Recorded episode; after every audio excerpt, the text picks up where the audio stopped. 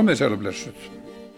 Við Torfi Túlnjús erum í þessu tilfinninga kófi okkar þessar vikurnar og uh, voru nú uh, í bókmæntum og romantíkinni síðast en í dag þá er það alveg svellkaldur veruleikin, samtíminn, kapitalismin.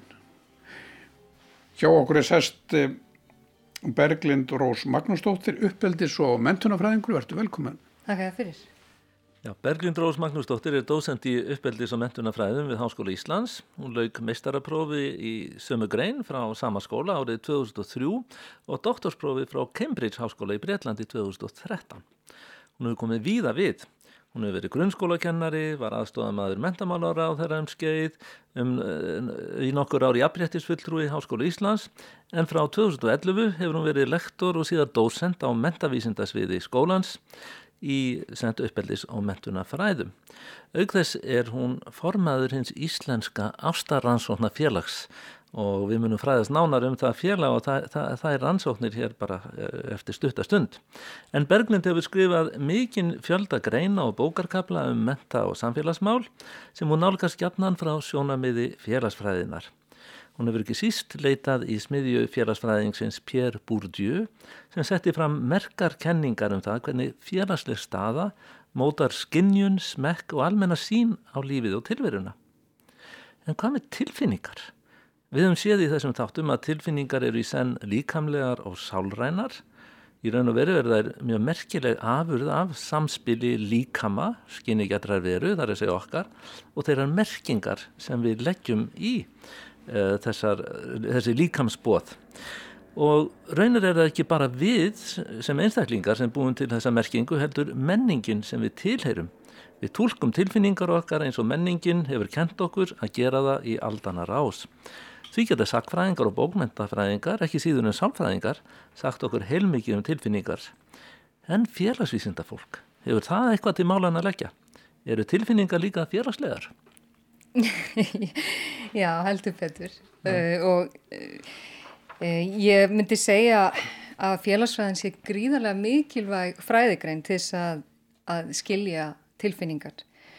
Og uh, sumir segja að félagsfræðin sé náttúrulega eh, svo fræðigrein sem að afbyggir romantík, afbyggir mystíkina eh, eh, af því að þetta fer allt eh, að hérna reyna að skilja hversu miklar hópsálur við erum, að tilfinningar eru ekki jafn einstakar og við höldum og eh, þar eru tengdar upprun okkar, kyni, stjætt, stöðu og svo framvegis.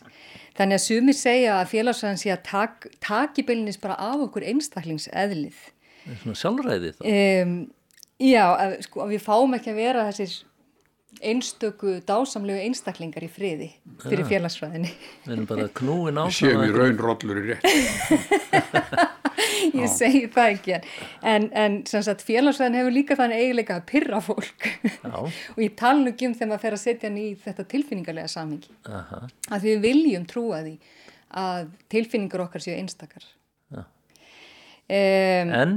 En svo þegar við fyrir að sko, rýna í félagsvæðina þá, mm. þá sjáum við til dæmis bara svona sögulega breytingar sem varða breytingar á samfélagsgerð og mm. varða breytingar á hugsun okkar, já til dæmis um sambund og hjónabönd, um barnignir. E, meðaltal barnigna hefur dreyist mjög saman í, mm -hmm. í, í okkar markasamfélagi. Ja. Þannig að við höldum að það sé algjörlega frjálst val hvað mm. við eignum smörg börn. En í rauninni er það félagslegur þrýstingur eða stopnarnir samfélagsins sem í rauninni móta það val, ekki síst. Ná, þannig að eh. fólk eins og ég sem er svona fætt um, um að uppbúin miður í síðustu öll sem erum gætnan í svona 5, 6, 7 barna fjölskyldum eh, og eigum sjálf kannski 2-3 börn eh, sem næsta kynslu á eftir. Þetta er ekki af því að við völdum þetta af því að við höfum meira frelsi næsta kynslu á eftir sem við höfum færið börn eða minna frelsi. Þetta er, þetta er einhvers konar félagslega öll sem hafa mótað það. Já og ekki síst uh, bara svona ráðandi hugmyndir um uh, uh, mæðrun og feðrun og móðura eðlið og, uh, og núna er raunni krafan ekki síst um það að geta fengið að velja eiga ekki börn, til dæmis eins og fyrir mm. fennþjóðina uh, sem hefði verið óhugsandi hérna fyrir 30-40 árum mm. um, og uh, þannig að já, við erum, við markarumst ofsalega mikið af uh, samfélagsgerðinni á þeim tíma sem við lifum mm. og það er félagsveðinir einmitt upplöð til þess að varpa ljósi á það mm.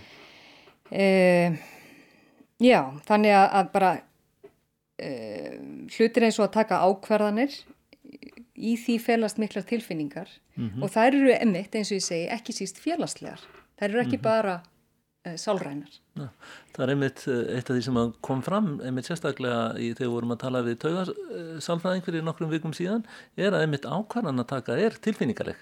Hún er ekki byggð á köldu mati heldur er það val er tilfinningalegt en mm -hmm. þú mhm. segir að þetta val okkar sé í raun og veru stýrt af félagslegum öflum frekar en af sjálfræði einstaklingsins. Já og, og í kapitalísku samfélagi þá, þá snýst svo mikið hlut af okkar veruleika í að hámarka upplifin.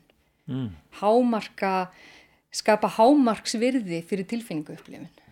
Já, alveg eins og hluthafar vilja Já. hámarks hérna, há, hámarks arð af sinni fjárfestingu Já. Það græðki, græðki líka á þessu sviði Græðki upplifunarinnar um, og, og þetta er orðið sko óbein krafa, eitthvað sem að já, amma mín og afi hefðu aldrei gert kröfu um þannig séð en þetta veldur líka á hvernig streitu að þú ertu örglega að upplifa það besta ertu örgulega að hámarka e, virðið þitt, auðmagð þitt í því samfélagi sem þú ert að hrærast í.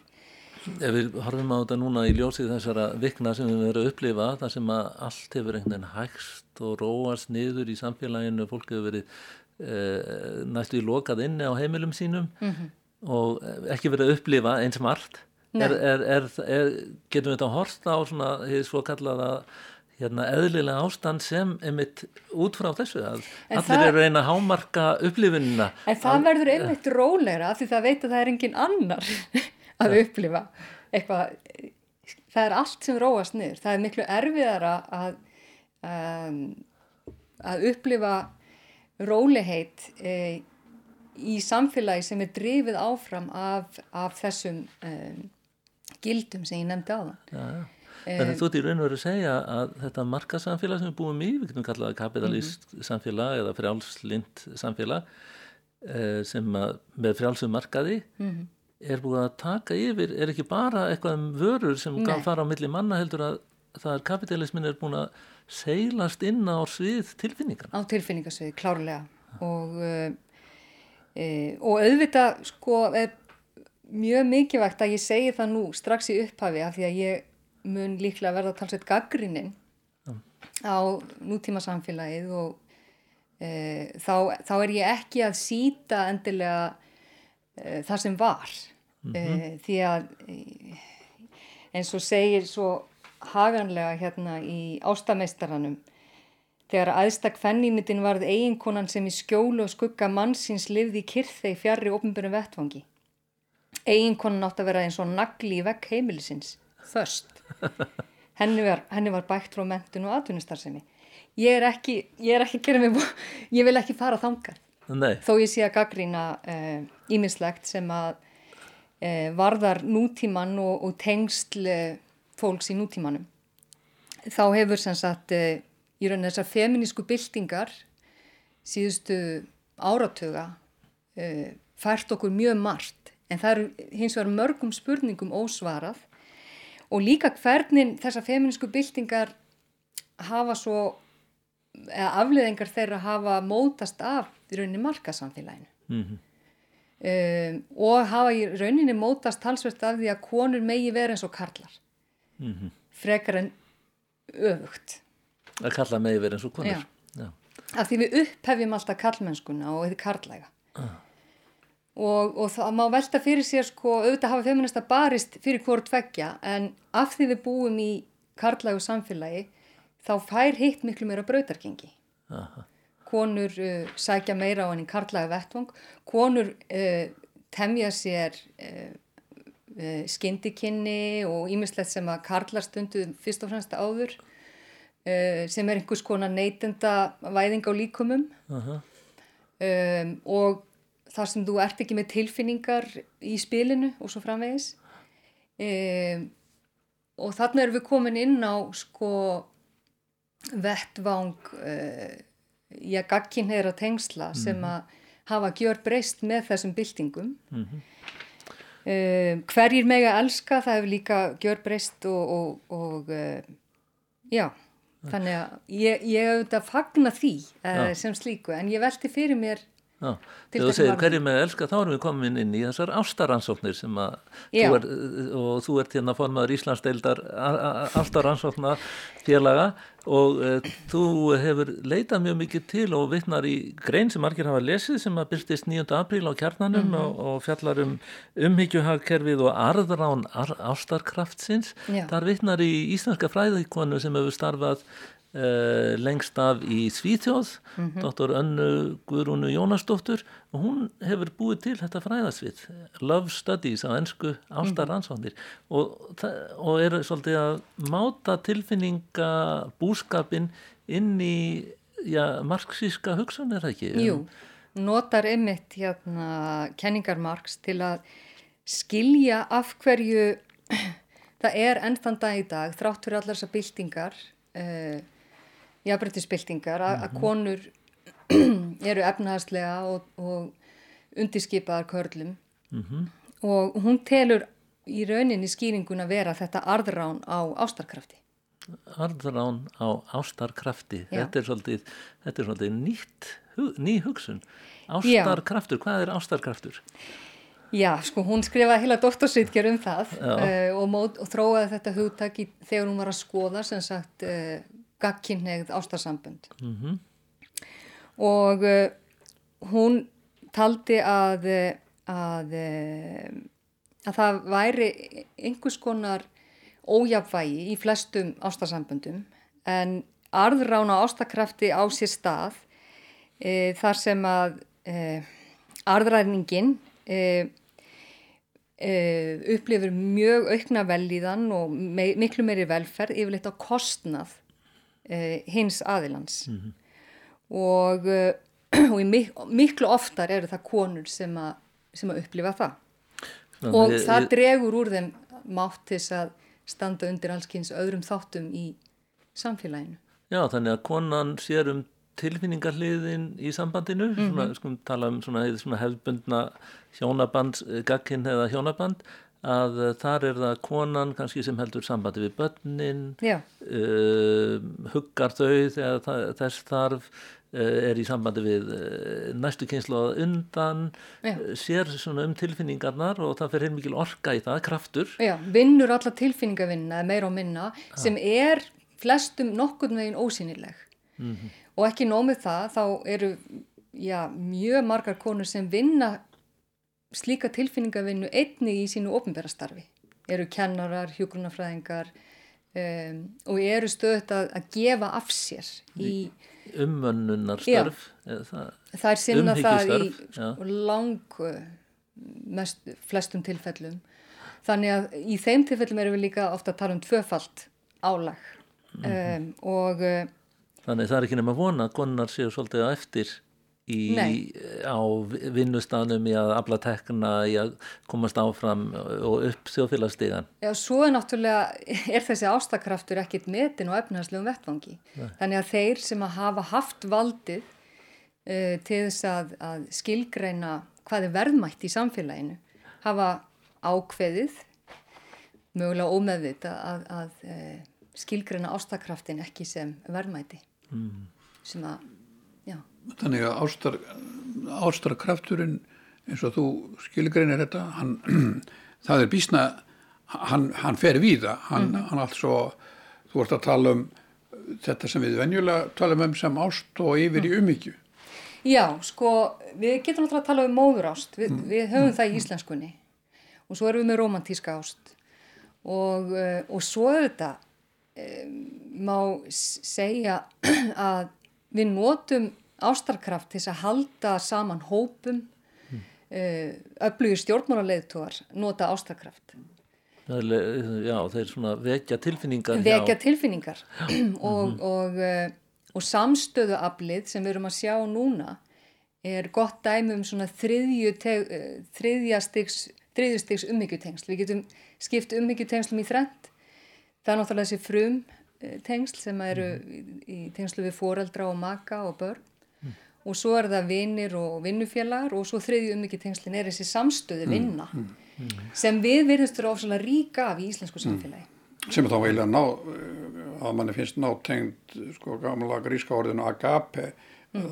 ást sem, sem kristnir sem skipa mjög veglega sess í, í, í, í runni frum kristninni já, já. kærleik, um einhvern svona félagslegan kærleika Já, algjörlega en svo náttúrulega get ég nefnt dæmi þar sem sko uh, ástarkrafti er beint, er, er, hann er talin beinast á óæskilegum aðilum, uh, við segjum bara pólitískum andstæðingum og get tekið dæmi þegar Katrín Jakobsdóttir held uh, ræðu í afmæli uh, Bjarnar Bendiktssonar um, um hann sem bara já, bara góðan mann.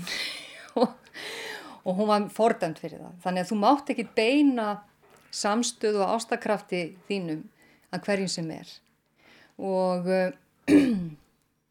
og En svo sér maður núna í, í kófinu að, að við erum tilbúin miklu meira en þarna þegar þetta var, til þess að saminast Já. og til þess að, að fara ekki, að láta ekki pólitík eða, eða upprunafólks eða eitthvað slíkt. Eh, eða gamla syndir. Já. Eða gamla syndir, Já. endilega trubla, trubla okkur í þessu. Já, þetta er mjög eh, áhugavert en ástaransóknir þá í kapp svona, e, eru félagsfræðilegar og jafnvel hagfræðilegar e, svona í marxískum skilningi þá langar mig, þú segir já að ástinn sé, eða það er einhver tilfinningatægin sem myndi samfélag já. og er þá kannski þessi sem ég kalla umhyggjuhagkerfi sem þú kallar umhyggjuhagkerfi er þessi sko þessi svona harða markastefna sem að svona tók völdin hér í vestræðinu samfélagi svona upp á 1980 mm -hmm. er hún ekki einmitt vegna þess að að, að þetta fólk sem að e, bóðaði þessa markastefnu trúði ekki á að það væri til samfélag. Það er nú fræg ummæli Margaret Thatcher. Hún sagði there is no such thing as society. Er, samfélag er ekki til. En uh, þú ert að segja að það, þessir hörðu markasinnar horfa fram hjá tilfinningar ástarkraftinum sem að heldur samfélaginu saman og er ósýnilegur Já. og uh, þeir sem að gefa þennan kraft af sér eru í raun og veru undirskipaður í samfélaginu Já. og fá ekki að njóta í raun og veru ávakstar erfiði síns. Nei, og allra síst í efnhagslegu tilliti. Mm -hmm. Þannig að, já, við, ég skrifaði þessa grein í kjarnan ekki síst til þess að, að vekja fólk til umhugsunar akkurat á þessum tíma þegar við sjáum hvernig umhyggjuhagkerfi rýs allt í hennu upp og, og uh, í rauninni gerir það verkum að við já, komum ótrúlega vel út úr þessum ferli mm -hmm. Og uh, vekjum aðtikli fyrir uh, samstöðuna mm. uh, og já, þannig að og, og svona þannig að þetta drif afl umhyggjunar mm. sem að já, hefur verið ákveði vandamáli mjög mörgum samfélögum, þau, þau eru svona um mörg fyrir að kljásti mjög miklu einmannakend mm -hmm. nú vitum við að einmannakend er, er heimsvaraldur mm -hmm. og, og ymsi uh, fræðmann hefa bent á það að hann sé bara einfallega fylgifiskur markasvæðingarinnar mm. uh, þar sem við einhvern veginn uh, metum virði fólks út frá mjög svona einföldum mælikvörðum mm. og þeir eru mjög gjarnan efnislegir en ekki tengdir tilfinningum eða umhyggju Já, við berum virðingu verið þeim sem á tvo bíla og flott einbílisús en ekki þeim sem að kannski starfar á kvöldinni fyrir Rauðakrossin. Nei, eða ja. við til dæmis verðum stega svolítið erfitt með að meta listur og menningu, já, svo ég nefnir sem dæmi, mm -hmm. sem, er, sem að hérna nærir okkur tilfinningarlega og nú vitum við samt að, að það sem hefur líka bjargað okkur í, í kófun er einmitt að geta lesið og hlustað á tónlist og notið uh, menningar Þannig að ég held að þetta sé allt saman áminning um hvaða er sem skiptir máli. En af hverju, af hverju heldur það að það sé hér greiðari aðgangur að ástarkraftinum í, í um mikið hagkerfisverkingunni? Er, erum við þá ekki svona ge- alveg gegnum sýrð af, af markaðsíkjunni eða, eða hvað? Já, þetta er mjög góð spurning og þetta er einmitt eitt af þessum verðugur rannsóknarefnum sem að íslenska, hið íslenska ástarannsóknarfélag þarf að takast á við. Eh, hins vegar verður að segjast að meðlimir þessa félags hafi verið of upptöknu við að sinna einhverju öðru en ástinni. Þannig að, að eh, það eru aðra rannsóknir sem hafa fengið styrki og, og, og eru passa betur í tannhjól markaðshagkerfisins. Þannig að þessum spurningum um, varandi Íslands samfélag hefur ekki verið sko, kerfisbundi svarað. En það sem við vitum er að fjölskyldu tengsl hér eru uh, sterkar en annar staðar. Uh, það er nánast engin sem að uh, þekkir ekki fólk úr ólíkum stjættum eða þannig að framandleiki er minni en annar staðar. Uh, framandleiki millir fólks og, og hópa.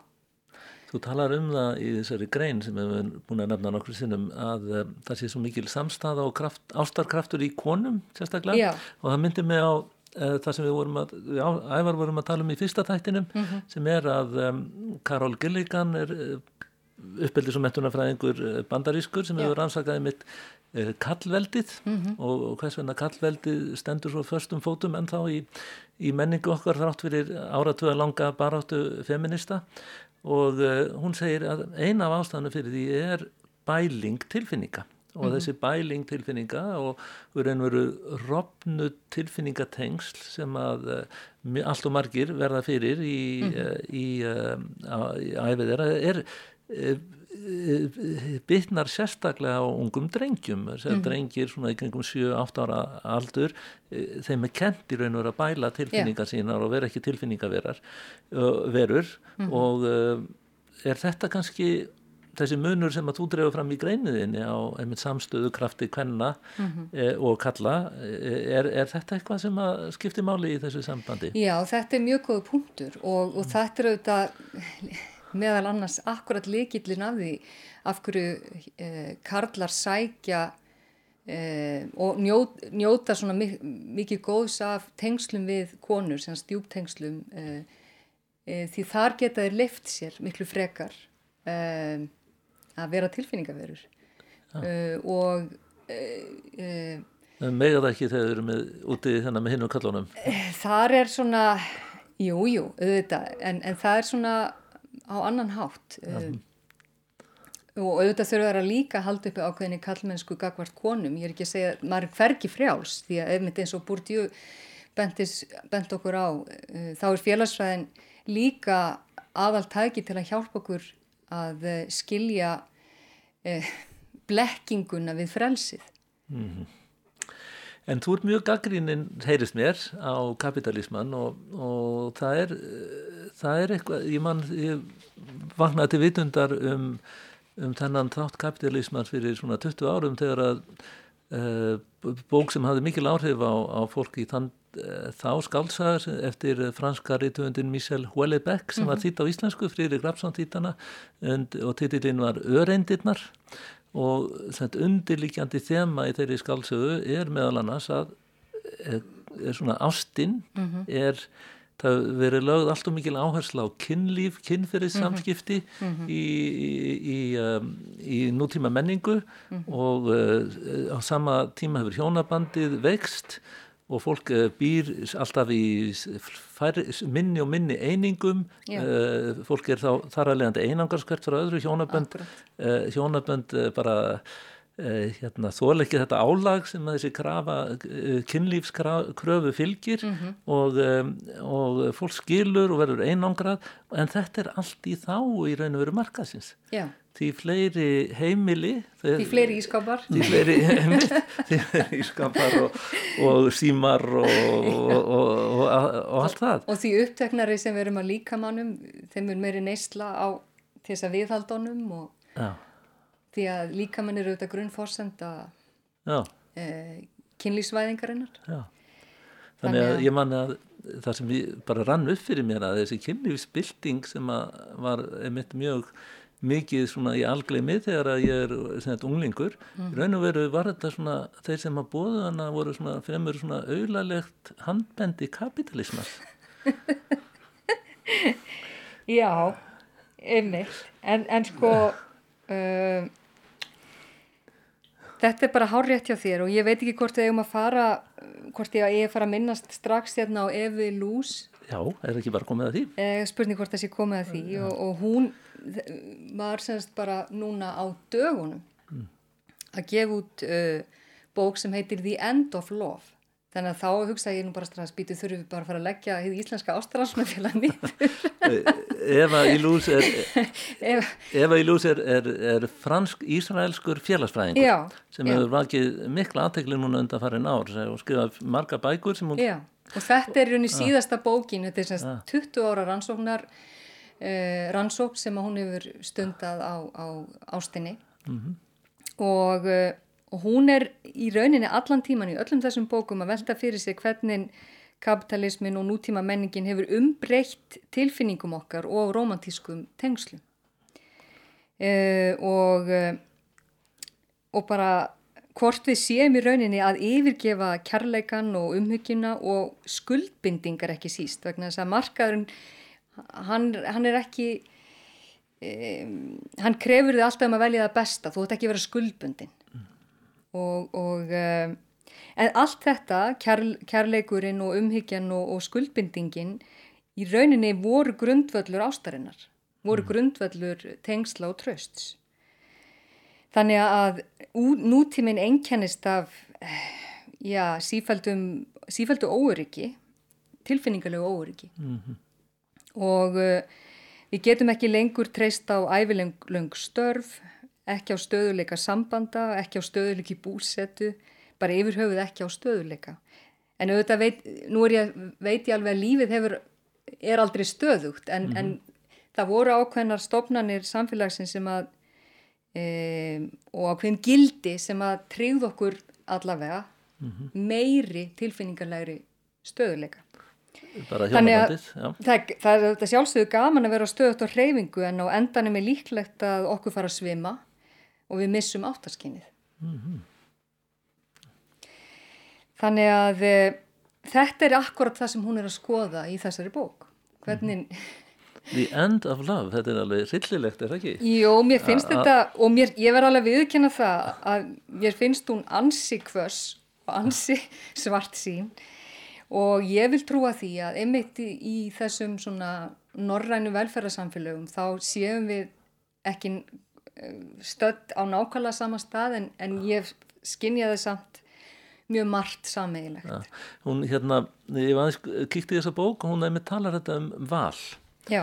að um, frelsi til að velja Já að það sé svona svolítið eina af þessum blekkingum sem að jafnvel markaðsamfélagið hefur haldið að okkur Já. og við í raun og veru verðum til sem einstaklingar af því valfrelsið okkar gerur okkur að einstaklingum Algjörlega. og þetta er, er kannski komið út í öfgar til dæm í ástarmálum til dæmis í þessu fyrirbæri sem heitir Tinder já, já. þar sem að já, hvernig kemur það út þá Já, þetta er alveg rétt, sko, ja. Tinder er mjög gott dæmi um, sko, endalösa möguleika. Já. Og það eru, sko, uh, ótrúlega margir sem að uh, fara inn á Tinder og dvelja þar, giftir og ógiftir. Og, og, og það er, sko, byggir svolítið á markaslögmálinu að halda öllum möguleikum opnum. Já, Tinder er, er svona uh, stefnumóta forrið, er það ekki? Jú, Já, jú. Þar sem maður setur sig og er á netinu, maður setur mynd af sér og einhvern svona, þess að maður segir profíl, Já. hver maður er, hverju smekkur manns er, hvað mann finnst skemmtilegt að gera og svo er, er þetta ekki líka einhvern svona staðsetning, þannig að þú finnur Jú. svona... Þannig er sko félagsvæði nýtt, þannig er búið að búa til sko hérna uh, hva, líkindin fyrir því að þú, þú setur inn... Uh, ímislegt um sjálfaði og, og, og svo eru bara ákveðnir útreikningar gerðir. Félagsfræðilegir útreikningar á því hvað er líklegt að þér finnist spennandi. En, og þú, þá hittur hérna bara týpur að sál þína. Eða hvað?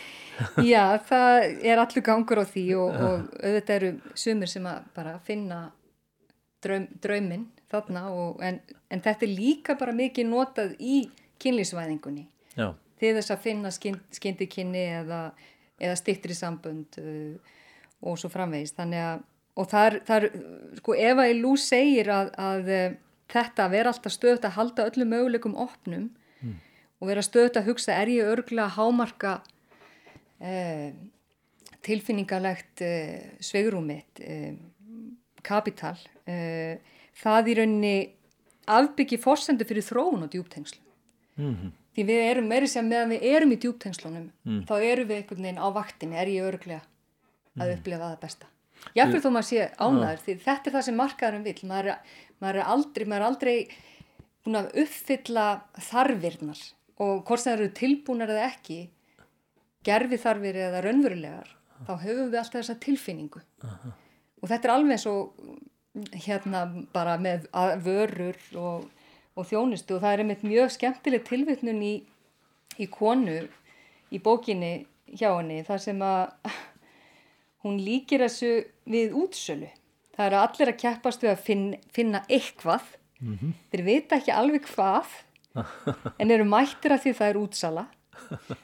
Þau vantar í sjálf sér ekki neitt eða veit ekki hvort þau vanti eitthvað en þau ætla að gá að því. Og yfirleitt kaupa þau eitthvað af því að það er ódýrt en henda því mjög líklega fljótt á haugana af því að það hafði ekkert langtíma virði. Já, þannig að þetta er bara eitt alþeirjar kringlu kast. Já.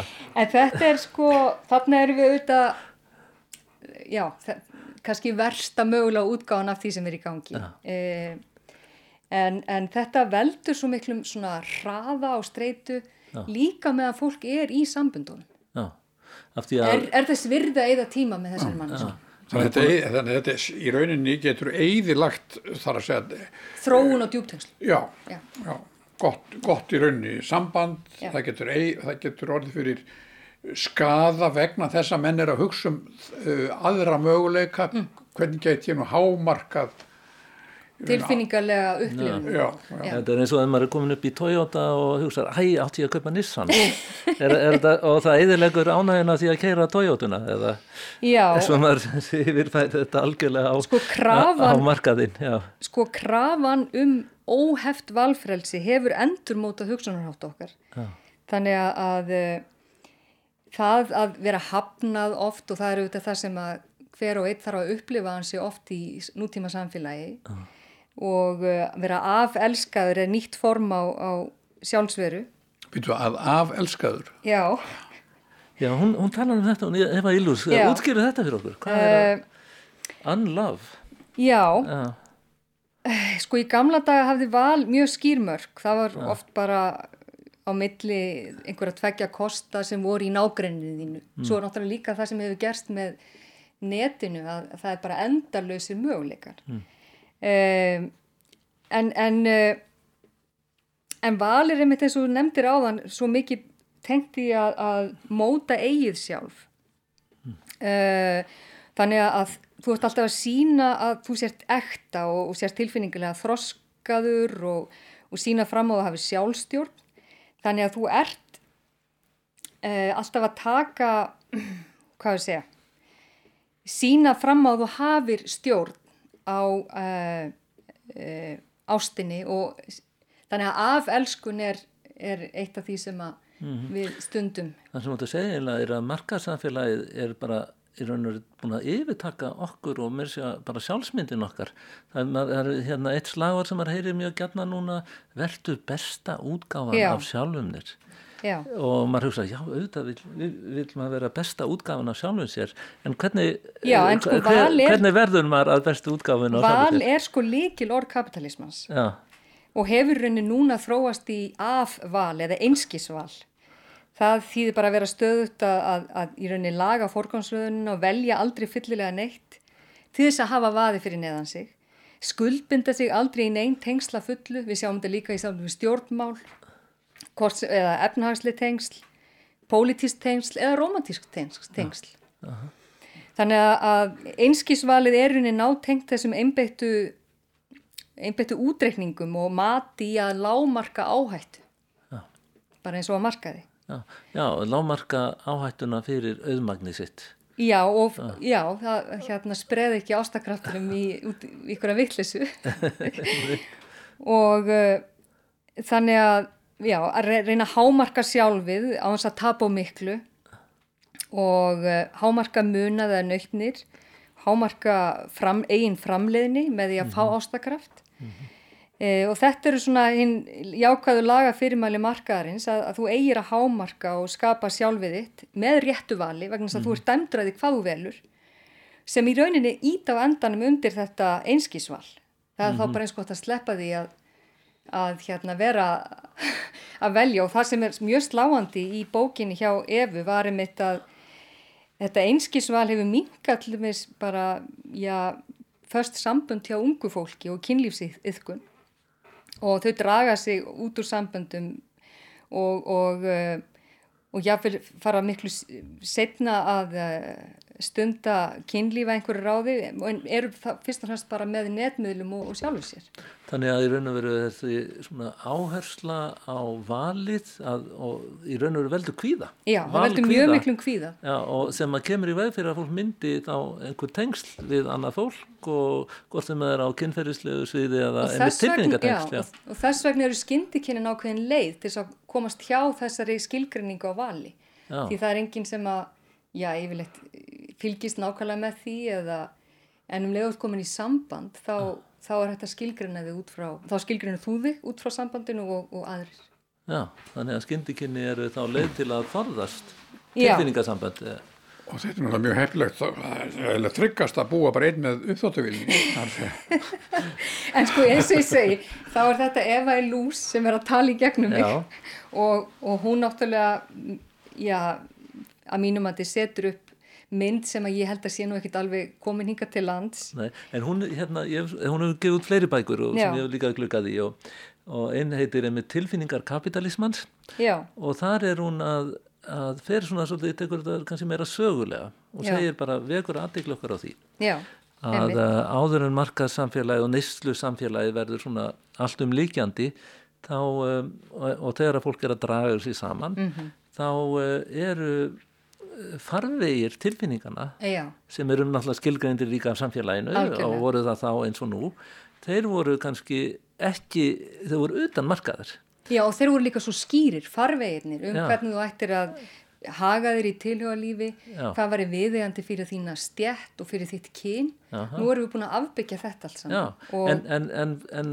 sko kannski það sem ég ætlaði að segja er að farveginir voru kannski brefaskriftir, Já. maður gæti samið ljóð, maður eins og Rómjó stóðu undir sjölunum og, og talaði fallega til hérna heitt elskuðu og, og svo framvegis, en Já. núna ef maður ætlar að stofna til kynna við einhvern, Mhm. þá er maður að neyta einhvers, það er að segja að maður er að taka upp veskið eða kredit- kreditkorti Já. ef að ég ætla að hérna, um lísta vel á einhver ákveðin einstakling og vil gerna stofna til nánari kynna þá þarf ég að bjóða hún út og svo þeir að senda hún blóm og, og eh, eða henni og svo framvegist þannig að markaðurinn hefur smám saman tekið yfir tilfinningarsamband og þetta á ekki bara við um ástarsamband, þetta er líka við sambandi við börn við, við aðra sem maður þykir væntum þannig að uh, þú veist, maður verður að gefa börnunum eitthvað til að, til að sanna að manni þykir væntum þau. Algjörlega, já.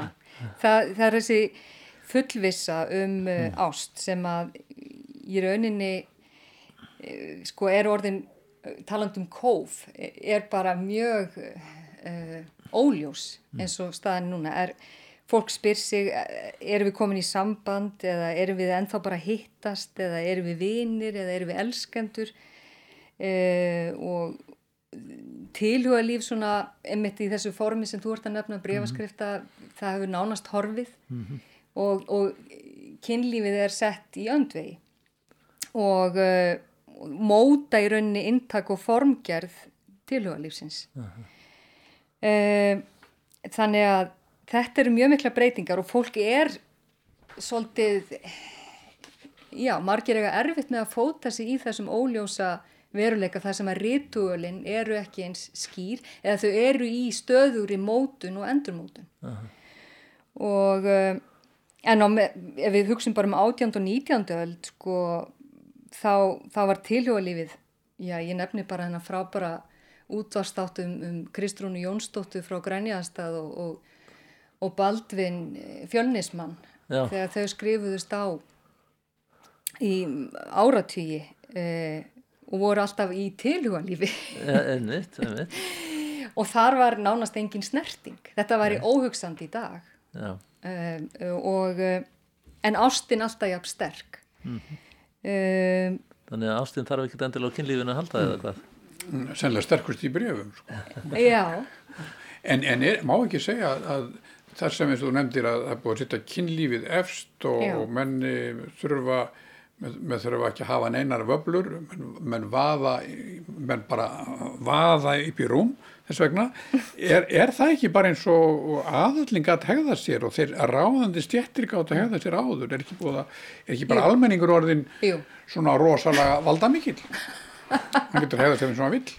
Jú, það, það má líka alveg hugsa það að þetta hafi, þessar breytingar hafi e, já, skapað nýjan vettvang í lífi allra, ekki bara eins og nefnir óperurnar og Hollywood, þar sem að ástin ræður ríkjum, núna, er, eh, ást og kynlíf, já, núna eiga allir að geta upplifað eitthvað slíkt. En þá kemur Bourdieu til sögunar og segir, nei, þú þarft að eiga peninga Aha. og þú þarft að uh, geta skapa tiltekna stemmingu uh, til þess að, já, hámarka tilfinningalega upplifun Og, það, og það kostar pening. og það kostar pening. Af og, því að maður þarf að vera áskrifandi að líkansrættastöðu til að og þú þarft formi, að- vera álitlegur að líka hafa- þegar maður er komin úr og svo þarf maður að geta keft hérna og það, í þetta allt þarftu líka að hafa tíma og, og hérna fólk sem er á almennum hérna, já, þarf bara að vinna mjög mikið aha. það er ekki alveg á sama stað í þessu öllu eins og þannig að markaðurinn er kannski að ganga ástinni döðri það er ekki það sem Eva í lús er að Jú, segja hún er sko, Já. hún er, gengur mjög langt í því eins og ég segir að, að, að, að e, segja okkur það. E, svo er náttúrulega annað sem hefur breyst að fullvissan sem að skapar þetta tilfinningalega öryggi í tengslu við sambönd. Hún hefur líka breyst e, vegna netmiðla og, og aðgengis bara almennt að öllum heiminum og öllu fólki. E, það var hægt að sapna saman eh, sko bara frá eh, vinahópnum eða þorp, þorpsbúum eða, og við auðvitað í, í okkar litla landi erum með slíka, slíkt aðgengi að, að fá fullvissu um einhvern í gegnum orðróm. En, eh, en það er hins vegar eitthvað sem er að, að breytast mjög hratt. Eh, Þannig að búsetta er ekkit lengur þessi risa breyta uh, til þess að útskýra fyrir okkur hverju ná saman og hverju ná ekki saman. Mm árið 1960 þá, uh, þá það sko af 6.000 af 10.000 tjónaböndum voru uh, mótið af fólki sem bjó 20 blokkum eða minna í burtu frá hvort öðru. Mhm. Þannig að við erum Já. óbundin stað. Já. En er, er það ekki samt svona eiginlega svolítið óýðstíðanlegt, segjum sem svo að ég sé á netinu og verður bara kólfalli fyrir einhverjum sem að býr hinum einn á nettinum, hvernig ætla ég að gera þetta? Að komast svo í samband, ég segi í alvöru samband eða ég segi líkamlegt á samband við þennan einstakling, því að það verður allan að kostar flugfar. Sko nú hafa COVID-19 breytt þessu. Þannig að ég, það, þetta er mjög góð spurning, einmitt hvort að, að það ástand sem við erum að upplifa núna eigi eftir að hafa áhrif á, á uh, tilhugalíf, ástina og, og eh, formgerð ástarvettvangsins. Þannig að net ástir eru hugsanlega, sko, að segja þá ekki bara til að finna eitthvað viðfang, heldur bara hreinlega að, að uh, upplifa kannski eitthvað svipað og, og Kristrún og, og, og Baldvin Einarsson. Sko, er að segja að það sé bara ástalífið fari fram á, á netun einhvern veginn. Það þurfi ekkert á þessum skrokkum að halda. En þarna kemur einmitt að mjög miklum kjarnamálsins að einu sinni var menningakapital, gríðarlegur, uh, hvað við segja, fengur inn í tilhugalífið. Að geta verið romantískur og uh, Geta skrifað fallið sendi bref. Já og, og hérna heitlað með, með tungumálinu. En, En núna er það líka minn. já, nú er það bara hvað maður er svona búin að vel þjálfaður, búin að vera mikið í world class.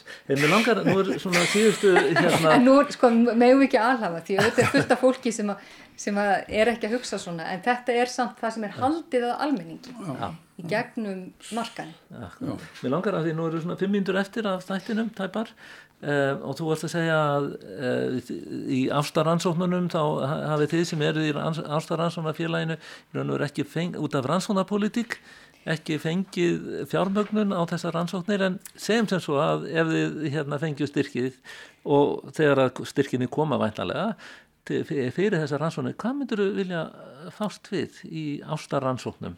Já, eh, ég myndi sko það sem ég tel spennandi við Ísland og ástaransóknir á Íslandi er einmitt uh, þetta mikla uh, hvað ég segja uh, sjálfstæði kvenna. Uh, við erum með öflugt velferðarkerfi miklu öflugra heldur en velferðarkerfin hjá fólki sem að Eva Ilús er að tala við. Uh, við erum með, við lifum á eigu þannig að við erum svolítið dæmt til að vera saman uh, og uh, það, það skapar líka mjög mikla sérstöðu. Um, og það er rosalega erfitt að, eh, já, hvað segja, það er auðvelt að að fá á sig bæði góðan og slæman orðróm bara á einhverju tilteknu landsvæði hérna á Íslandi.